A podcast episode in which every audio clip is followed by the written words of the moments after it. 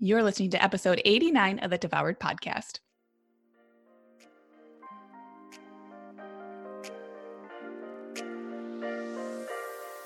Welcome to Devoured, the podcast for women ready to release the title of Dieter for Good. I'm your host, Lucia Hawley, and I'm a certified nutritional therapy practitioner with my master's in social work, clinical mental health. I've lost 80 pounds and I'm on a mission to get you into the life of your dreams without being the woman who is consumed by diet after diet trying to get there. If you're wanting more in your life and are tired of wondering when or how to make that happen, then this is a podcast for you. You'll learn how to make the radical changes you've only dreamed of 100% possible for you today. I'm so happy you're here. The information provided within this podcast is intended as general education only and is not to be considered a substitute for professional medical advice, diagnosis, or treatment. Erin Holt is a board certified integrative and functional nutritionist, and she specializes in helping people re energize and find real health without restriction. And what I think is so important with this interview and what just like blew me out of the water with Erin is that she has lived through so much of what she now specializes in and supports her women clients through. She has managed chronic digestive problems, different eating disorders, um, anxiety, autoimmune disease, feeling like the person who was run down, doing her damnedest, really trying to take care of herself, but something isn't adding up and the doctors are just patting her on the back. If that's been you in your past, that was me in my past, by the way. If that was you or is you right now, make sure you listen to this episode because you're going to get a lot of tangible takeaways about not only how it's not your fault that this is what you're experiencing, but also how our current culture is set up, unfortunately, and especially for women, it's set up in such a way that it's really a, quite a tough situation for a lot of us to be experiencing true health that feels intuitive and feels restorative and feels like it's empowering us versus tearing us down. So let's dive into the interview. Cannot wait for all of you to learn from Erin today. All right, Erin, thank you so much for coming on the show today. I'm just like so excited to dive into your story and just I, I feel like there there are probably a lot of directions we could take things, but um, I know women who are listening are really going to be able to learn so much from you. So thanks for being here. Thank you so much for having me. So tell us, maybe you feel this way. I don't know. I feel this way. I feel like with my health journey, there's so many like starting points that I could start. So when I tell people like, hey, just jump into your story, what, could you tell us how did you come into nutrition? What was that spark or one of the initial sparks that really drew you to opening up the conversation around nutrition? That uh, that's a good entry point. I know whenever somebody's like, "Tell me your story," I'm like, "How much time do you have?" Right. You know.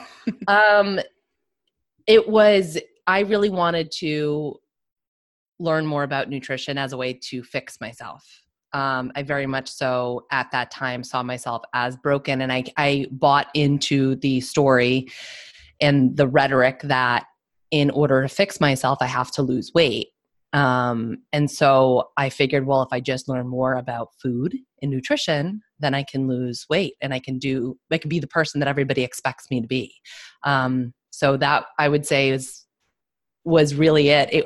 A lot of people in my life at that time considered me a health junkie.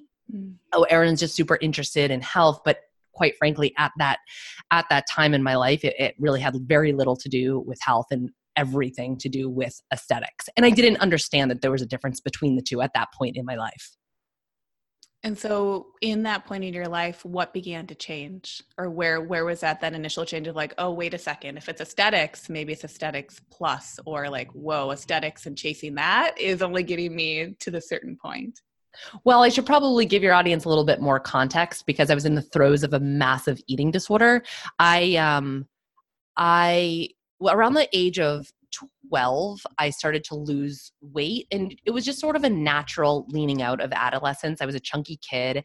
Um, I didn't really put much effort into it, but I got a lot of positive feedback and reinforcement.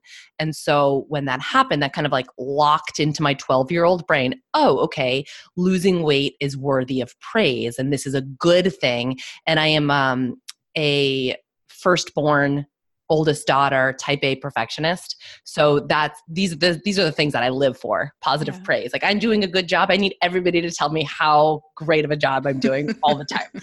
Um, so that you know i learned very very young. And so i kind of took that and ran with it. And it, it, i i dramatically reduced my food intake. I started running. I lost a tremendous amount of weight. And that was the beginning of a 13 year battle with eating disorders. By the time I realized it was a, a massive problem, um, my, my anorexia became bulimia and I realized like, oh, this, I can't keep doing this. I can't keep living like this. But I didn't know what to do. I didn't know. I was embarrassed. It, it was a super duper secret. And I just figured that if I could go back to school to become a registered dietitian, then I could like learn all the tips and the tricks to to fix this problem. Mm. But I was also still hyper focused on losing weight. You know, it wasn't like, oh, I just need to to to to break these habits. I was like, I, I want to break these habits and also lose weight. This perpetual quest for weight loss, right? And so um, I did. I went back to school and studied to become a registered dietitian and just realized that more nutrition information did not a healing make right it did not a recovery make and so um, things just continued to to snowball and it wasn't until after i graduated that i realized I, I can't keep living like this. It had become such a massive problem. I was binging and purging up to 12 times a day. So this was this was absolutely overshadowed every single aspect of my life. And um, what I eventually decided to do was to focus less on my physical body and what I looked like. I was so depressed. I was having panic attacks. I was so anxious. I was so miserable. I hated myself and I mm. hated my existence. And so I realized that trying to get a different um, outcome by by doing the same thing wasn't getting me anywhere. So i knew i had to like radically change my approach. So i stopped dieting. That was a big thing. Um, i found i started practicing yoga. I started meditating. Um, i took my focus off of food. Up until that point had always been okay well how can i just change the food how can I change the diet? And then the whole life will change, right? This is what our culture tells us just fix the food and everything else will be great. Everything else will get better. And I flipped that on its head and I stopped paying attention to food to some extent. Um, I mean, I, I ate a very well balanced uh, you know, I, I, ate well. I ate a real food diet, but I stopped dieting. I stopped mm. restricting my food intake and I stopped beating myself up for doing things that were off program and really just started to focus on enjoying my life more more socialization um you know big changes like relationship changes and job changes and like big radical life changes i became a yoga teacher just big stuff mm-hmm. um, and in doing that and in, in focusing on my life rather than on food the the eating disorder sort of resolved itself. And I don't want to make it sound like a simple thing because it certainly was not. But um, that is, I would say, when everything changed and I stopped focusing solely on my aesthetics and more on, well, what does my overall life and happiness and health look like? Yeah. Yeah. I think that's that's so incredible and what I'm hearing too and I think this resonates so much with so many people even if they don't know it at first but what I'm hearing is that you know by saying like okay like the diet stuff just has to go over like i'm going to put that on a shelf while i just allow myself to focus on these other areas of my life. What i'm also hearing too is that there is this shift from like really analytical and really logical right? Like let me just like logic out let me just logic the darn diet which is what we hear right in our culture. Yeah. just figure it out. Why haven't you figured oh you're you must be broken if you can't figure it out. So what i was hearing too through that journey is that there started to be maybe unintentionally at first and then more intentionally beyond that there is kind of like bringing that emotional brain on board with the yoga with the meditation and saying like what's going to happen if this starts to light up?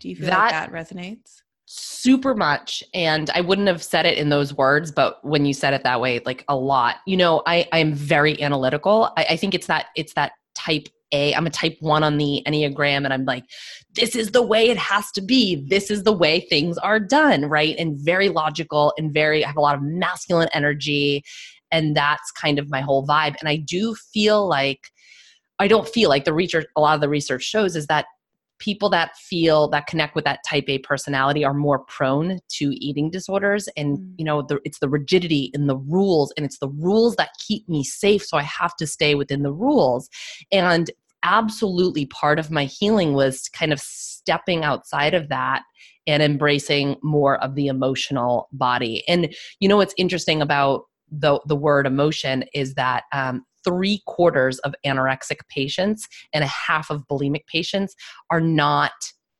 in touch with their emotions they're very overwhelmed by this concept of emotions and they they mm-hmm. they kind of disconnect and disassociate from what they're experiencing on an emotional level and that was very much so true for me very much so mm.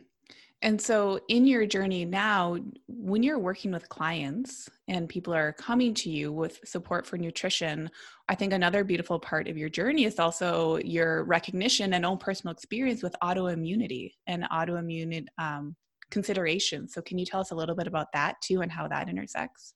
Yeah, and I first I'll start off by saying that I actually don't work with eating disorders um, I am not trained in that. I don't have clinical experience. I've certainly worked with women who have had eating disorders, but they were working in, in therapy um, with other practitioners who are aware of the situation. And then, and that was in the beginning, the first few years of my practice.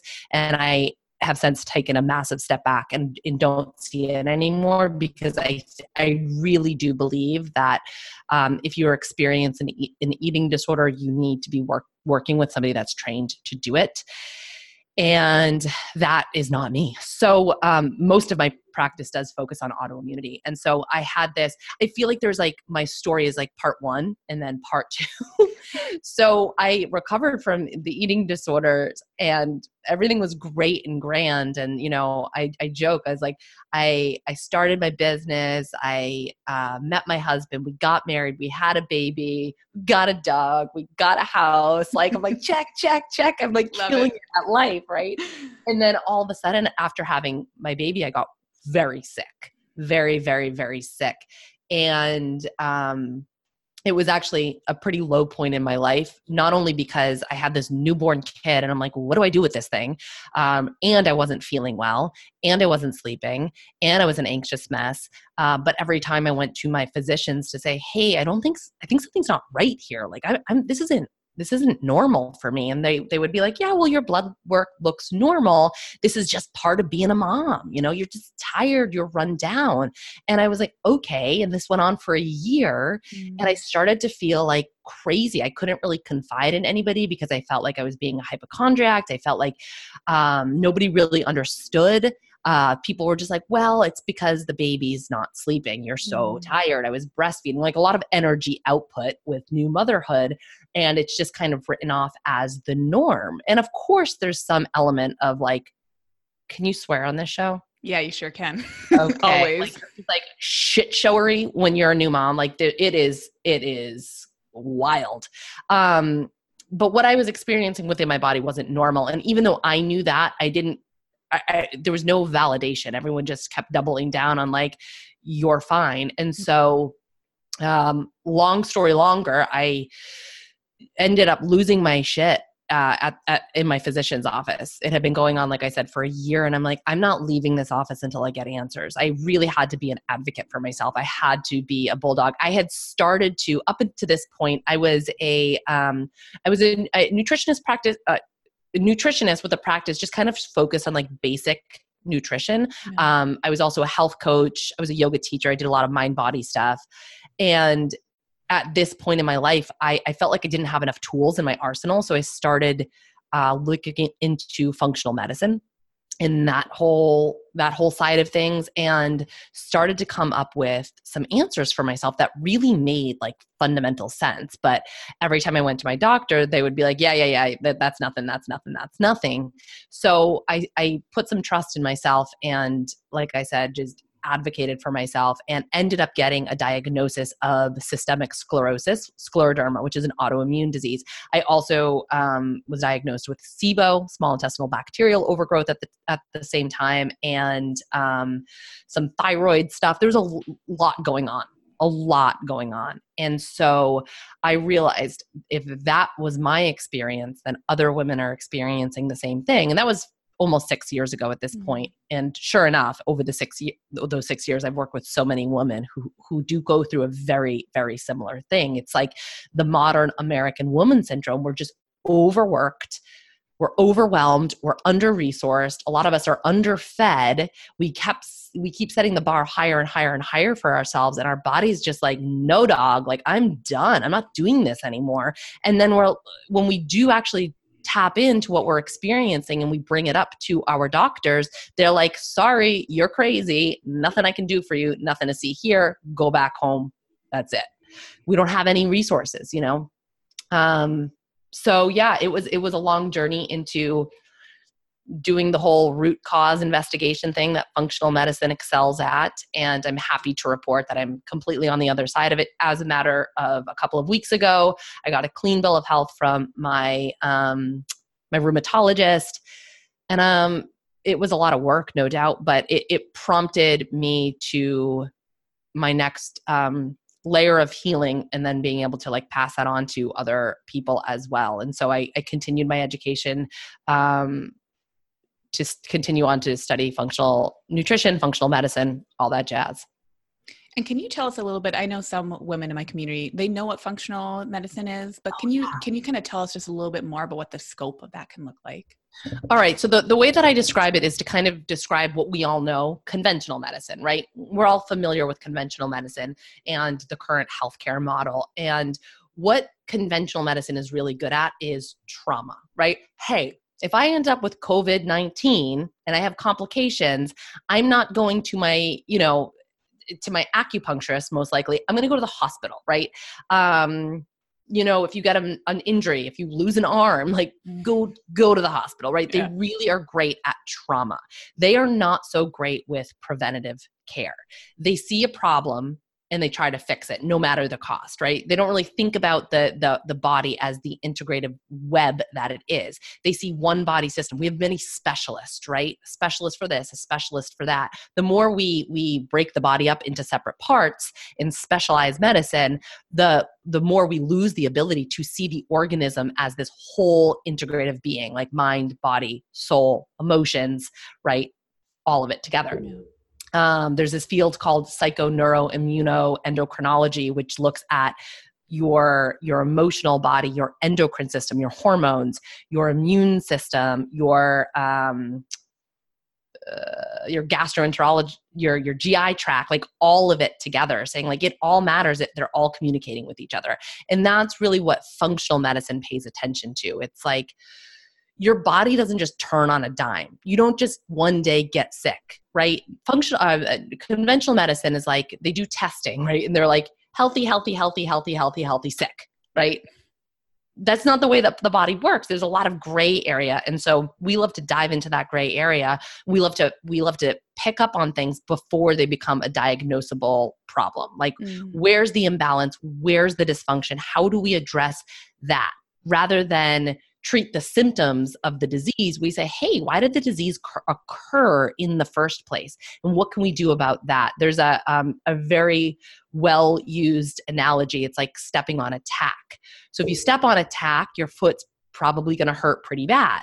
So you could take Tylenol and Advil to relieve the pain, or you could remove the tack. right? Which one do you want to do? And so functional medicine is all about finding the tack and removing the tack. And so how does this come up in your practice with the clients or maybe you know the the types of clients who are coming to you these days? Are there kind of themes or or you know uh, general areas that you're working on women or supporting women through with this preventative prevention first model? Yes, I would say well so my I've been in practice for 10 years, so it has certainly evolved and changed as the years go on, as you know, as they do. And I the past couple of years, it's more about um, women are coming to me after seeing a lot of other practitioners and a lot of healthcare providers and saying like I know something's not right, um, but all of my tests are normal right? So it's like this mystery illness. And in a lot of us i just feel like autoimmunity mystery illness, especially with women, you're just dropped into this bucket of like, we're not really sure what to do with you. So we're just gonna like put you in this bucket uh, until we can figure out what to do with you, right? Mm-hmm. There's a lot of people in buckets right now. And so um, the these like bucket dwellers come to me. Bucket um, house. that term now. Uh, they come to me and they're like, I want, I just want answers. I want to figure out what can be going on. So we do a lot of functional testing. So I'm I'm very at this stage in the game very lab focused try to figure out because most people are coming to me they're already eating really well um, they don't need you know i don't need to just like be like eat more broccoli and leafy greens right? That's not that really the stage where i catch people. It's a little bit further out where they've done a lot of work. They've been throwing things against a wall to see what stick. They've been on dr google. They've been reading the blogs. They've like tried supplements and they're like and still something's not right. Mm-hmm. so it's it they're good candidates of doing more investigative work via lab testing.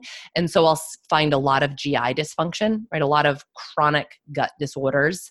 Um, I'll see a lot of hormonal imbalance, a lot of endocrine disruption, thyroid, sex hormones, um, cortisol issues, DHEA, um, those are, I would say, the big things that I see. And then, of course, a lot of autoimmunity. I think autoimmunity is massively underdiagnosed.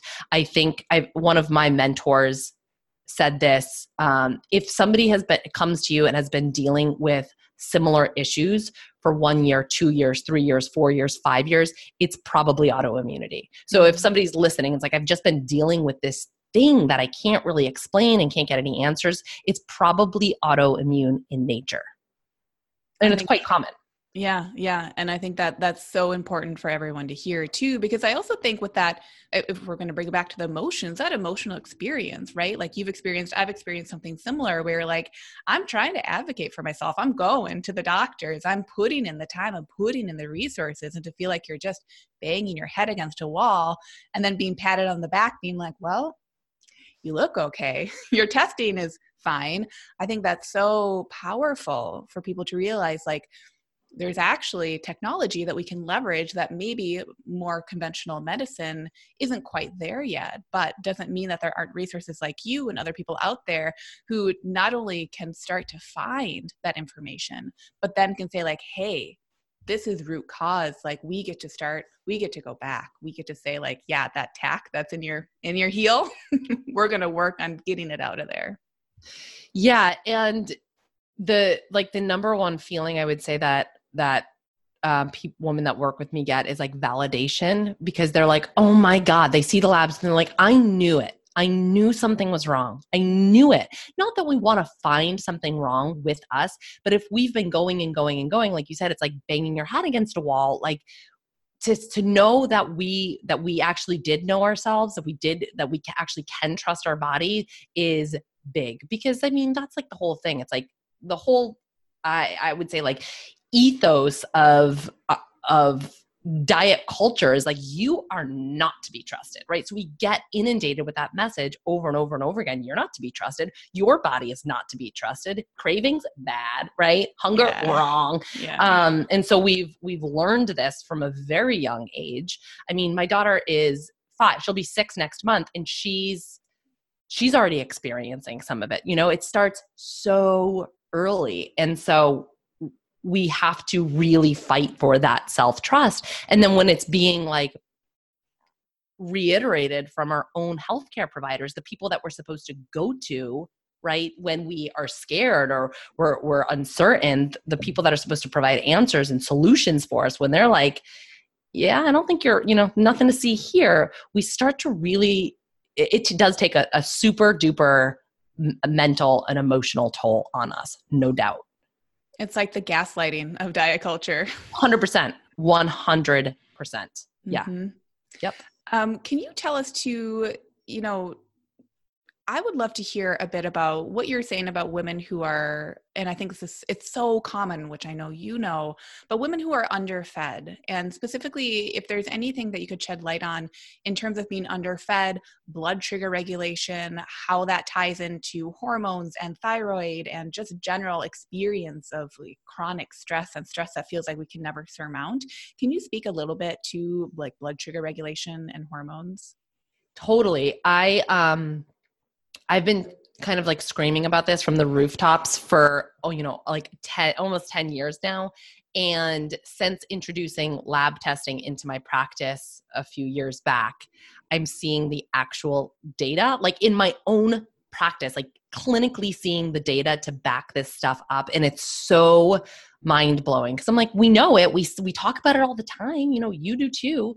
But like to actually see it with like actual human bodies is is abs it's just nuts. Um but when we're so a lot of us know like the 1200 1500 calorie rule right? And we were like sort of born and raised on that which is such so few calories. I mean i just see women that are they're like running their families and they're running businesses and they're like literally running running marathons and they're doing all of these things. Our plates keep getting fuller and fuller and fuller and fuller. We just keep saying yes yes yes you know let me take it on.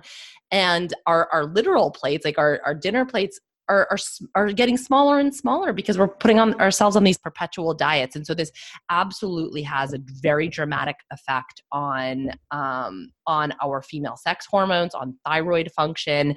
Um, I, will use fasting as an example just because i'm seeing a lot of it.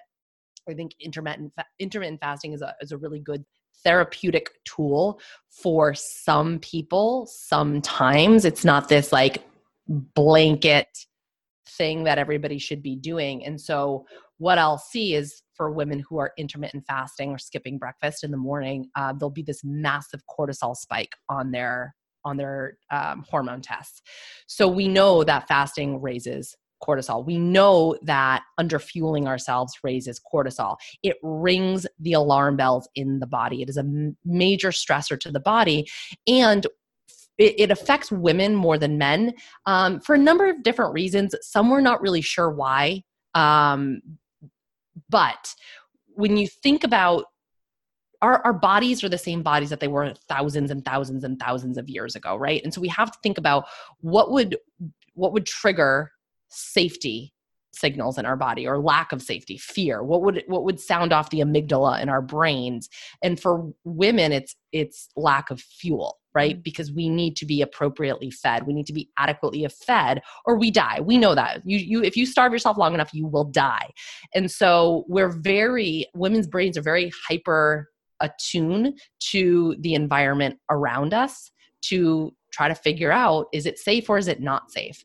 Um, and we probably do that because we're responsible for carrying the next generation forward, right? And there's been um, some cool data to show that after a woman gives birth, her brain changes, mm-hmm. so she's more in tune with with danger signals, which sucks for your sleep, by the way. Not so helpful there. Waking up in the middle of the night, like elbowing my husband, like, "What's that sound?" He's like, "There's no sound. Go to sleep."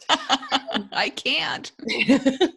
so, so if if anything in our environment is telling us to, that something's not safe, like lack of food, food scarcity, right? We don't know when the next meal is going to come. There's all of these uh, metabolic situations that happen in the body. So one thing that happens is that our thyroid function slows down. That's actually really, really great in a, in a uh, state of crisis or famine because we are using less energy. We're putting out less energy. So the less energy we put out, the greater chance we have to survive because we're harvesting that energy. Not great from a weight loss perspective, right? Because you're holding on to weight. Weight is is safety Fat is safety. It is a fuel source for your body in a time of crisis. And if everybody's running around super duper stressed out, your body thinks it's in a state of crisis all the time. So when I when when somebody comes to me and they like want to talk about weight loss, I'm like, how much stress are you under? Because that's the first thing that needs to be evaluated. If your cortisol's bumping around all over the place, like there's no chance that your body's going to want to release weight because it's freaking out. Um, so I'll see a lot of hypothyroid function. I always screen for thyroid, um, overall thyroid function, and a lot of hypo. Thyroid function is really at the mercy of the HPA axis, the hypothalamus pituitary adrenal axis. Um, so if which is basically a fancy way of saying your your body's stress response, right? Um, so if your stress response is kicking off, it's going to um, impede your thyroid hormone. So I see two of those things happening. Stress hormones are all over the place, and thyroid function is suppressed.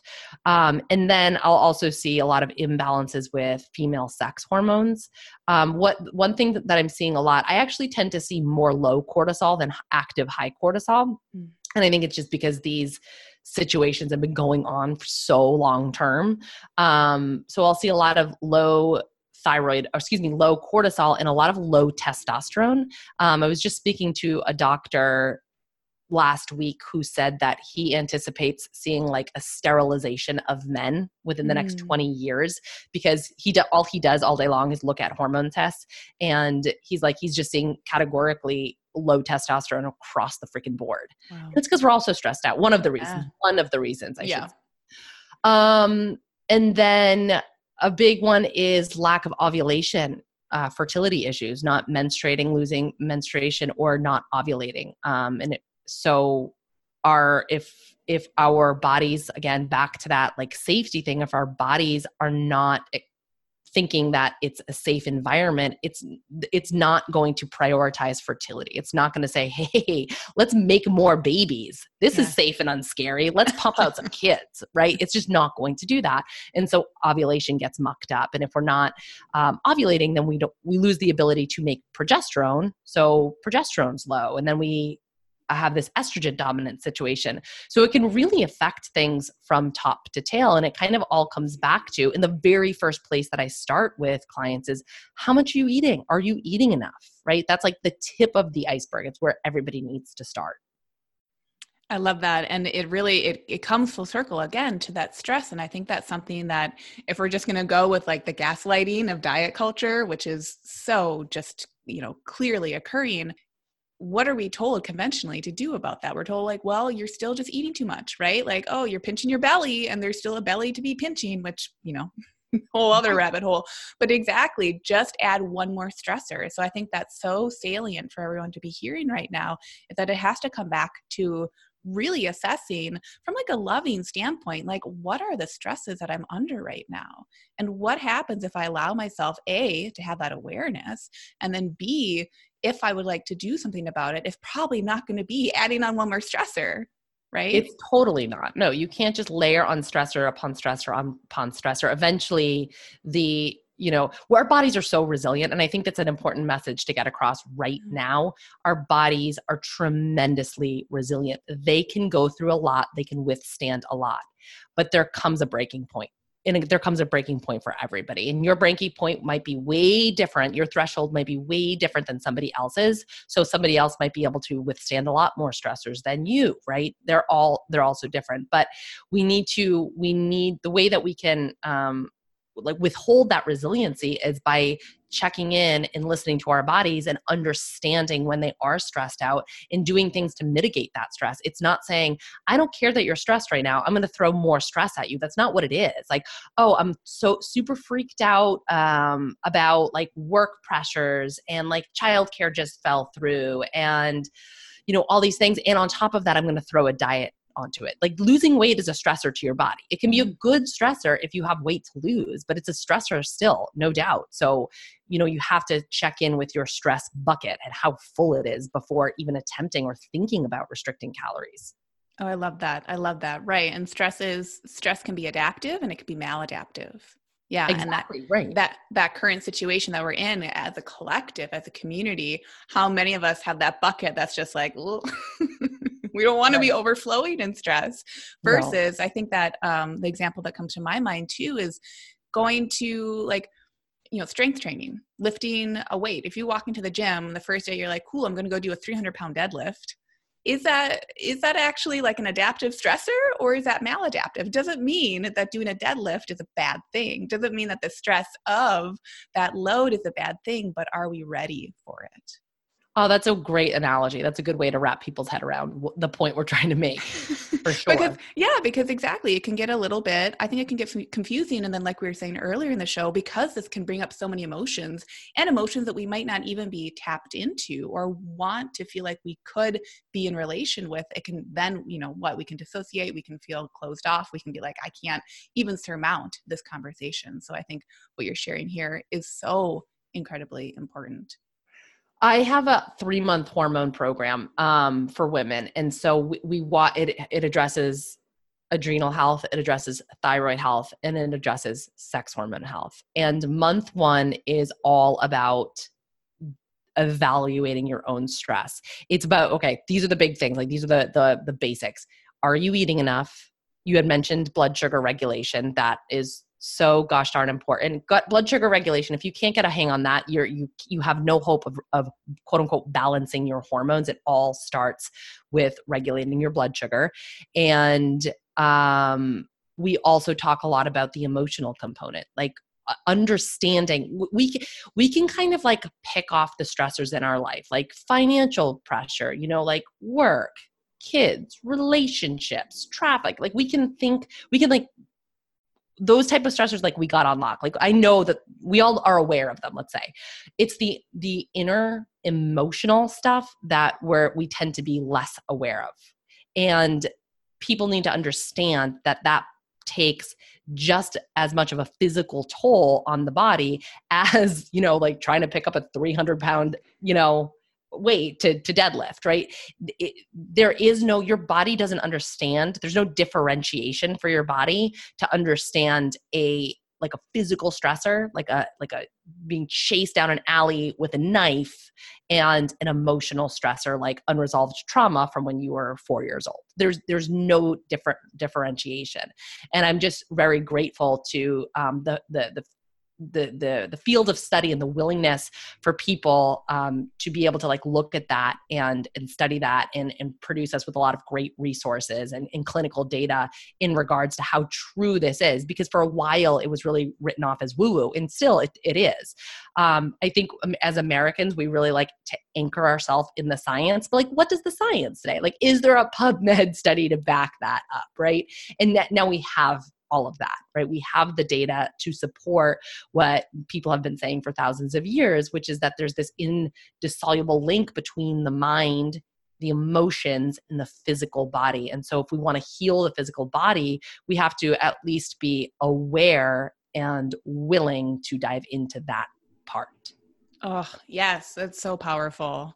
I tell people too, and it's my belief that, you know, we we have like a radical connection between the mind the body and the spirit or you know the soul what however people want to you know have their word around that and i think that's so exactly it like they were radically created to be around and with each other and yeah the western medicine we love to just pick them apart and we love to be really really analytical so i think that's such an important key part for people to be taken away from this conversation. For you with your clients and I'm curious to hear, or maybe this kind of just comes along with the process of starting to investigate and get to more of the root causes.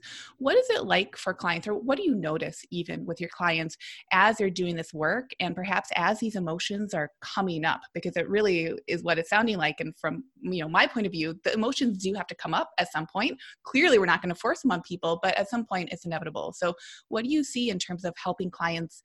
Either build that intuition or at least start to like scratch the surface of being comfortable even like touching those emotions uh, I'm I'm not like a very gentle person. I'm more just like I am more like bull in a china shop energy. Um, so I'm like you got to deal with this. Like that's that's kind of like who I am. But I always want to provide them with resources, and I'm also really clear. I am not a therapist, and I'm very clear about boundaries um, because this stuff does come up. I'm also, just as an aside, at like a wicked empath. So when there's I, I, feel other people's anxiety for them, um, which is very hard as a practitioner. So I have to kind of be like strong and sturdy with those boundaries of like what's mine versus what's yours. I'm not so great at it. Um, but I, I do try to convey to people that if stuff like emotional stuff is coming up, um, it's really really important to have somebody to work with to help you process through it. Like don't try to go it alone. Um, you can but it's just so much harder. And for that it might be therapy but it might be breath work for you or it might be like i'm trying to think of another modality but it's coming uh, uh, like I'm just coming blank. I'm very um, somatic. I hold a lot of stuff in my body. And so, somatic practices and somatic release stuff is really helpful for me, even something like a massage. Mm. Um, so, you have to find ways and help to kind of process through it. Um, and I, that's kind of where I go with that, just providing a lot of resources. And I think it's also important to like, you know what works for somebody else isn't necessarily going to work for you. You kind of have to find your own bag of tricks. You know i've been in like the i don't know the like the woo woo world for probably like 15 years now or more you know? So i've i've investigated a lot of different types of modalities and practices and have figured out what works for me and what works for or what doesn't work for me and i think people have to be on their own journey to do that. Um and the other thing too it's like we were talking about people not getting a not getting a diagnosis or not getting answers. Just because you get the diagnosis doesn't mean like oh all of your problems are now solved. It's usually just like the beginning right? This is like the beginning of your journey. Like good luck and get ready to dive in. And so i think just having an openness and a willingness to see things a different way is is so so so so huge I love that. Yeah. And it's like having the recognition that we can have a tool belt. And if we'd like to fill it with different tools, people have resources. There's ways to be supporting yourself, again, from that holistic standpoint and kind of full body, mind, body, soul standpoint.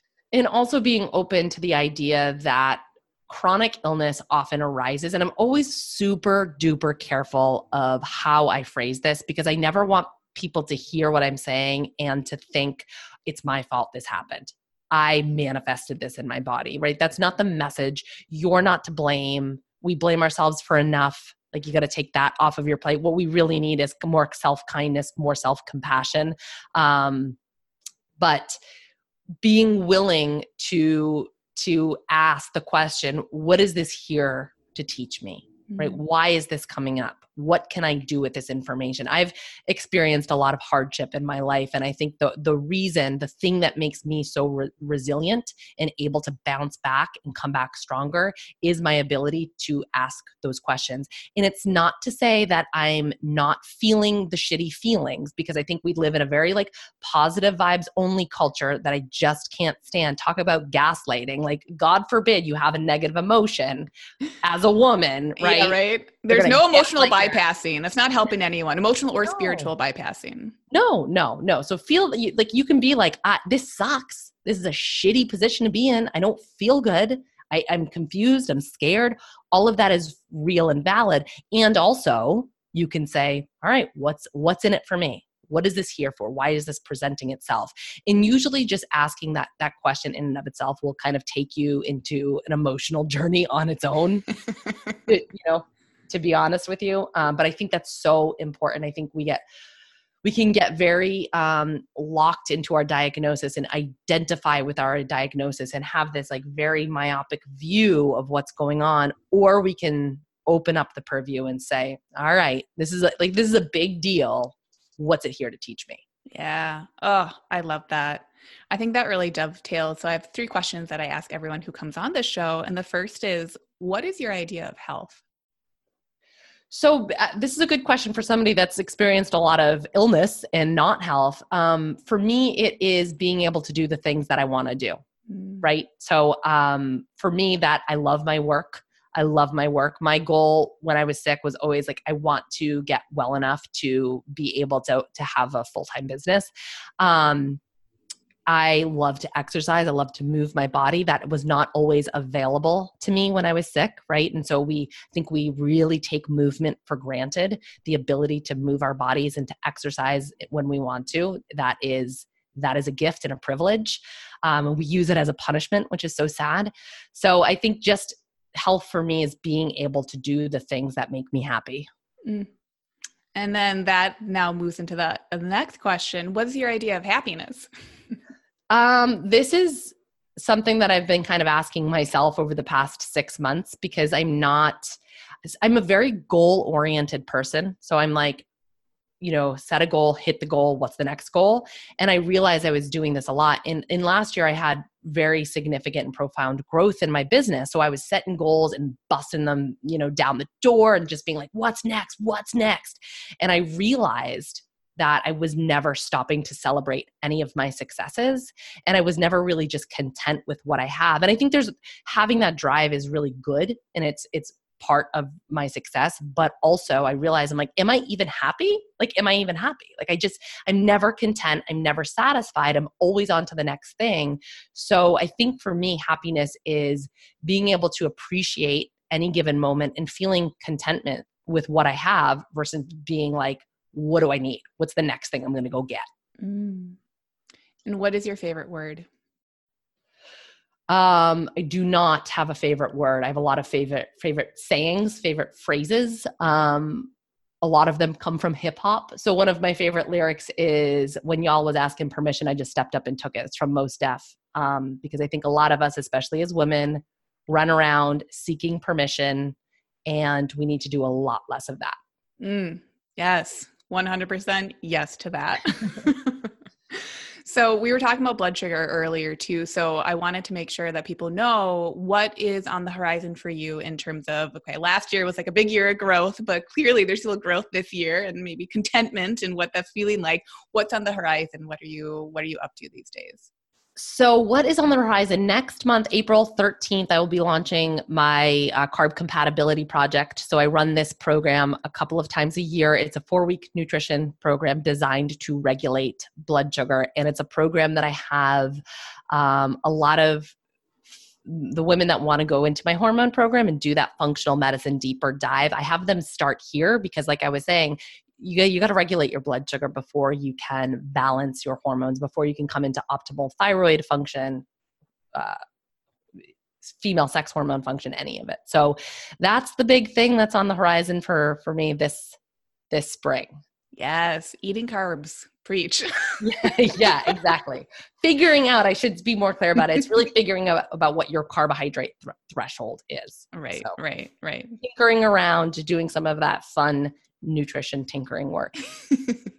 and I'll have everything linked up in the show notes, but where can we find you in the online um, I spend most of my time most of my time on Instagram. I didn't mean for it to come out that way. I love my family and I like to spend time with them too. Um, but I'm at Erin Holt Health on Instagram and my website, same thing, erinholthealth.com. Awesome. Thank you so much for taking the time out of your day today to share with us. I think just everything you shared was so insightful and also like I was going to use the word motivating. I think there can be, you know, kind of funny energy behind that, but it's it's empowering and it's like a breath of fresh air that for anyone who is feeling either stuck or confused or like, you know, they're the ones who's going to the doctor right now and just getting the pat on the back, but that's just like shrug, there's your life. So, yeah. thank you for breathing air into this space and just so much energy in that. And one last thing that I'll say before, if, if somebody's listening to the show and they're in that position, check out my podcast, the Functional Nutrition Podcast. It's a lot about a lot of the stuff that we're talking about today. I mean, we're just scratching surface, but it goes it's a much deeper dive into functional medicine um, and the functional functional medicine approach to health and different topics. So that would be a really good starting point to feel like you're you're not going crazy. Yes, it's an awesome listen. Highly, highly, highly recommended. Oh, thank you. Yeah, thank you.